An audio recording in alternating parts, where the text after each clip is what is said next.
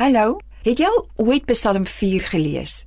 Dis 'n baie kort Psalm, net 9 verse. My pa is al baie jare oorlede, maar ek hoor nog die spesifieke nuances in sy stem as hy Psalm 4 vir ons met huisgodsdiens gelees het. Hy het altyd so net voor vers 9 stadiger begin lees, want dan wou hy net huil. Daar staan: Nou sal ek onbesorg gaan lê en dadelik aan die slaap raak, want Here, U alleen laat my veilig woon.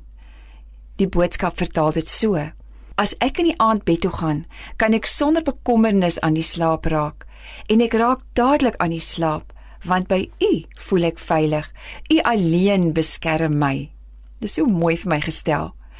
Toe ek baie klein was, het ek die guggels gehad as Pavel huil net voor vers 9. Maar hoe ouer ek geword het en my verhouding met Jesus inniger geraak het, het ek al hoe meer bewus geraak van hierdie oorweldigende feit dat ek die God aanbid wat die heelal geskep het.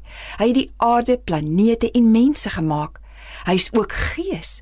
So hy is op dieselfde tyd oral. Hy weet wat van die begin van tye af gebeur het. Hy weet van vandag en hy weet van die toekoms. Niks is vir hom 'n verrassing nie. En hierdie God ontferm hom oor 'n nietige mensie soos ek. Nes Dawid in die Bybel en nes my pa, is ek ook oorbewus van my verganklikheid en is ek so dankbaar dat God die een is wat my oppas. Ten spyte van al my foute. As jy hierdie hoofstuk lees, sien jy die verskillende stadiums van Dawid se kommunikasie met die Here. Dit is vir my so mooi. Eers hy loof die Here. Hy kla dan by hom. Hy verklaar sy vyande. Hy herhaal trooswoorde aan homself en hy herinner homself hoe groot en wonderlik God is.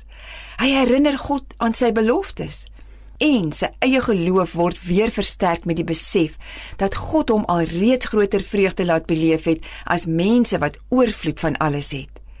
En dan eindig hy met 'n berusting en 'n oorgawe waar hy sê: "Nou kan ek lekker gaan slaap. Ek het my hart skoon gemaak teenoor God. Hy hoor, hy's in beheer. Hy sal my beskerm."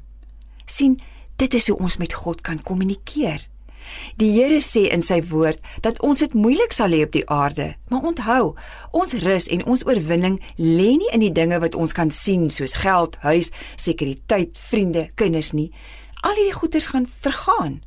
Ons vrede en rus lê in die wete dat al gebeur wat ook al met ons en rondom ons, ja, alself sou ek doodgaan, is ek nog steeds veilig, want ek is in God se hand. Hy's in beheer. Here, dankie dat ek nou onbesorg aan die slaap kan raak want ek weet U laat my veilig woon. Amen.